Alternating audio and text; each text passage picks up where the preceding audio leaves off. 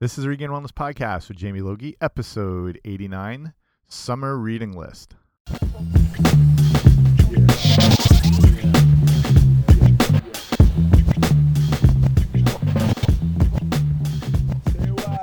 Hey guys, what's happening? Welcome back to the podcast. I'm Jamie Logie. I run RegainedWellness.com, and this is the Regained Wellness Podcast. And thank you for joining me here today. I appreciate it. I know there's a lot of podcasts out there, so um, thank you for choosing this one and listening and spending the time with me. It's pretty sweet. So, I want to talk today about a bunch of top nutrition books, I think, um, that are really worth your time to check out. I've covered a bunch before in another episode, but adding in a few ones today. So I find from myself, summer's time where I can focus a little more on, I don't know what it is about reading. It's something about the summer that you just, if it's more relaxing or the days aren't as rushed. Who knows? It just it seems like a good time to start cranking out a bunch of books. And you know, some people wait um, through the year to know this is their time to you know kind of more consume some more stuff. So hopefully, if you're interested in nutrition, um, here's a bunch of what I think are some of the best books to focus on this summer. Whether you read one of them or all of them, um, I'll be definitely. I've read all these. I'll be rereading a few this summer for sure, among uh, a bunch of others. So I'll give you my kind of top ten here in no particular order, and why they're they're good and what you'll learn from them. So you can get a little kind of a quick sneak peek on each and see if it's going to be something that's going to interest you. Um, I guarantee they will. It's just if some are going to interest you more than others. Okay, here we go.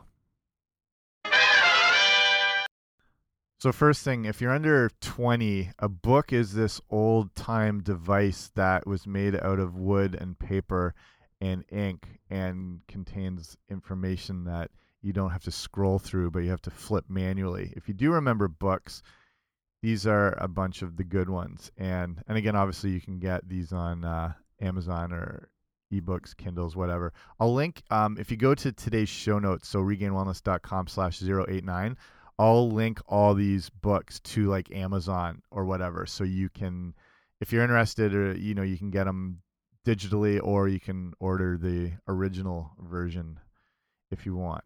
Okay, so like I said, in no particular order here. Um, the first one to me is a book called Nutrition and Physical Degeneration by Weston A. Price, and I've talked about this guy a million times.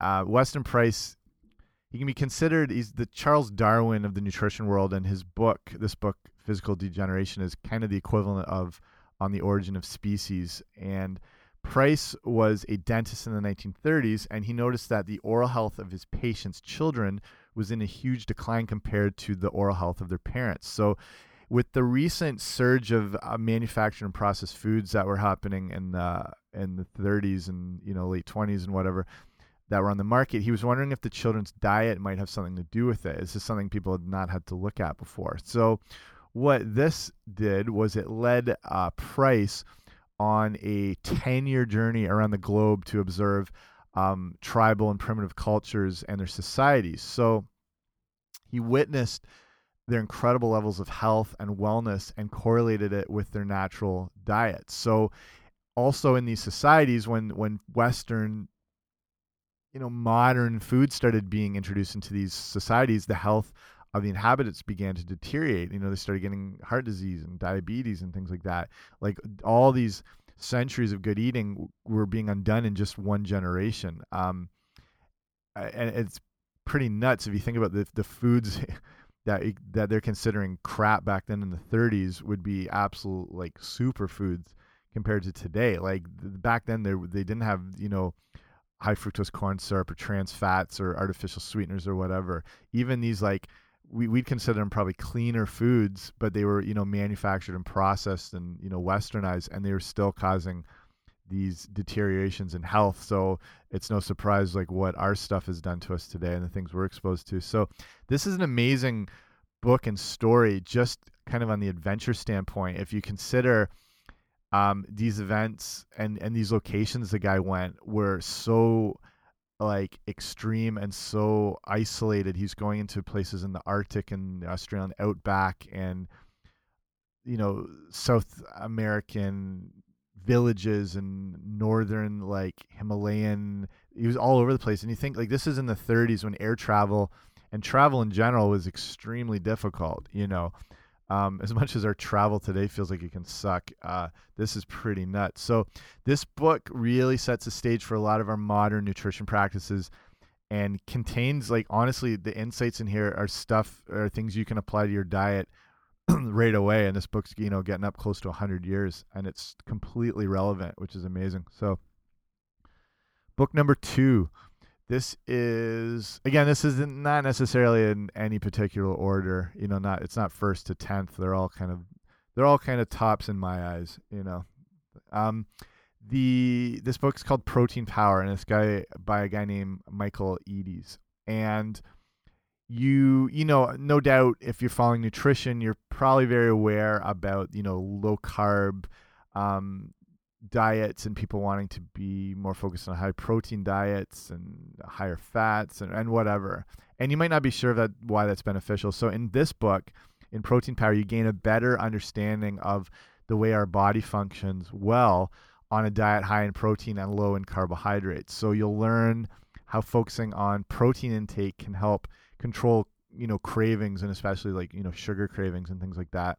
And can also have a positive effect on lowering your blood pressure and, you know, things like cholesterol too. So a heavy emphasis on carbs can have a really negative impact on your hormones. Um, and when you consume protein, I mean, no more protein, like right, you know, stable protein throughout the day, that also can help stabilize your hormone levels and improve, and in some cases, reverse conditions like heart disease and type two diabetes. And and protein power just teaches you about.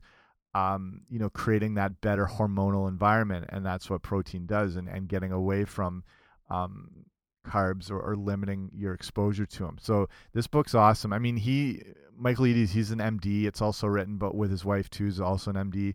It all it contains a, a bunch of good recipes too. So yeah, this is a good one. I read this book all the time. So the next book, number three, is the Paleo Solution: The Original Human Diet by Robb Wolf. And again, if you're familiar with stuff going on in nutrition, you know who Robb Wolf is. You probably listen to his podcast. You should, if you haven't. Um, if you've followed, you've probably read this book too. Um, probably one of the. It's a New York Times bestseller. Um, very popular, and you've no doubt heard about the paleo diet. You've probably tried it. You might be doing it right now. This book gives you the real breakdown of what the paleo diet should look like and why it can be so beneficial. So you might think you're really eating paleo, and you but you might not be. So um, the paleo solution will really get you up to speed with the whole thing. So it also it's kind of a side choice here. Here's a bonus book. Um, Loren Cordain, he was a guy who helped start the paleo movement with his book called The Paleo Diet. And he was involved in the making of this book. So the Paleo Diet by Loren Cordain, I think was late 70s that sort of came out, you know, so a lot of these things that come around today, they're not exactly new or revelations in nutrition. They're, you know, they're they're borrowing or building on the ideas that came before them, kind of like the Weston Price thing. So, um, like I said, Loren Cordain is involved in making this book. So in Robb Wolf's The Paleo Solution, it, it kind of like I said, it takes things to the next level. It, sheds light on um, the very positive effects eating a paleo diet can have on the body, and those things include like you know weight loss, better energy, reduced inflammation, and again prevention of heart disease, cancer, and diabetes. So um, if you're gonna only read one book on paleo, there's a trillion of them, but this would be the one. So, next book, this will be Wheat Belly by Dr. William Davis, MD. You know, a lot of these books, these are legit guys. This isn't, you know, some random blogger threw all this stuff together. Um, Wheat Belly, again, you've probably seen it. It's sold over a million copies. Um, New York Times bestseller. Um, to me another it's kind of a, a must read if you want to get up to speed with the gluten issue which is still hanging around us um, the idea with wheat um, it doesn't seem like it's going away anytime soon so this would be your go-to book if you want to get all the best information and kind of get a good grasp on what um, the gluten thing is all about. So it the book addresses the issues that are being caused by our consumption of wheat. And you will the, the question that comes up is like we've been eating wheat for thousands of years. Why are all these problems happening now? And that's a good question.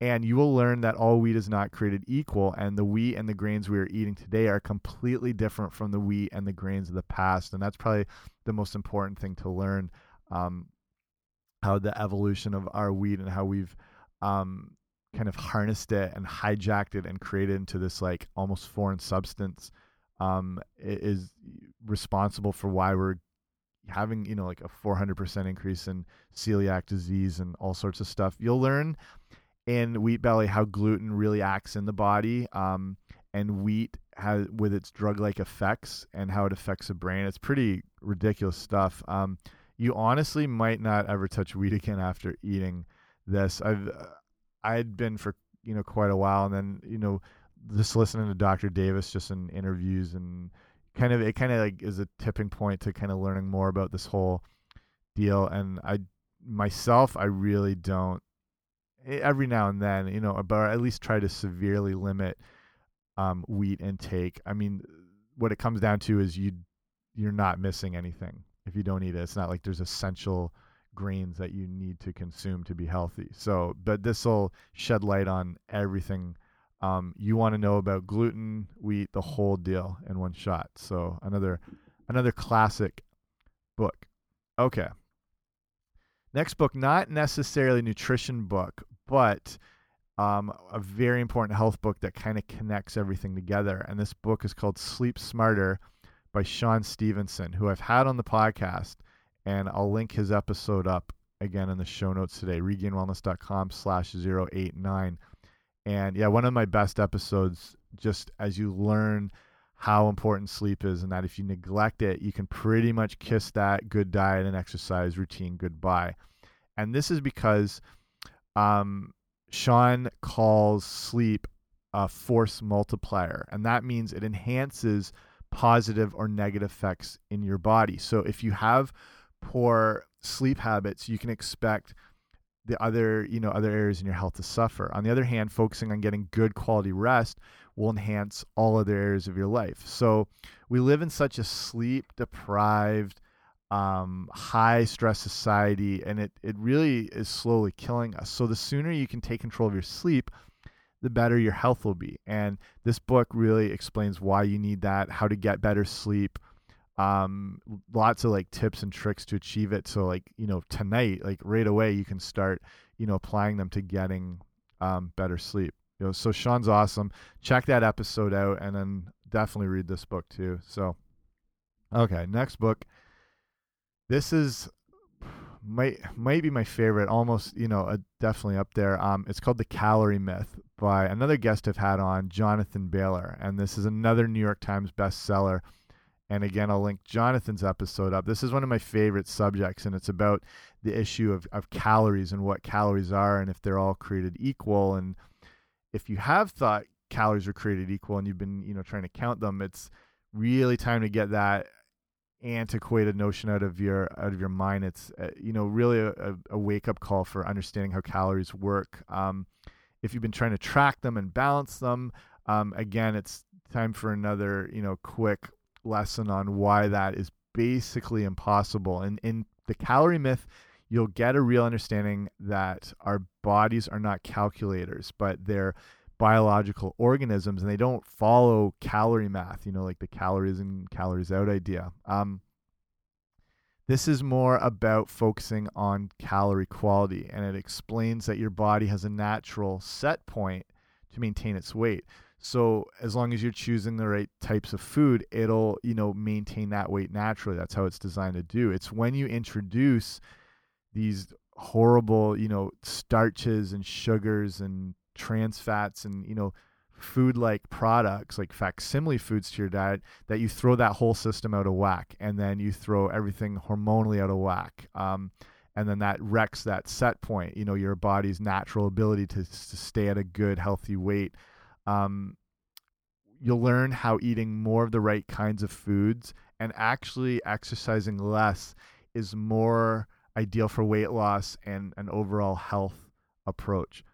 Yeah, so I mean, you can learn more about this whole issue in Jonathan's episode with me, which I'll link up on the show notes today. Um, it's you know maybe 40 minutes and it gives you a good overall picture, but definitely read this book to get more of the insights into the whole calorie issue. So, next book will be this is an awesome one too. They're all awesome, but like this is called Death by Food Pyramid, and it's by a lady named Denise Minger, um, who had followed for quite a while. She runs a very popular blog called um, I think it's Nutrition SOS or Food SOS, whatever.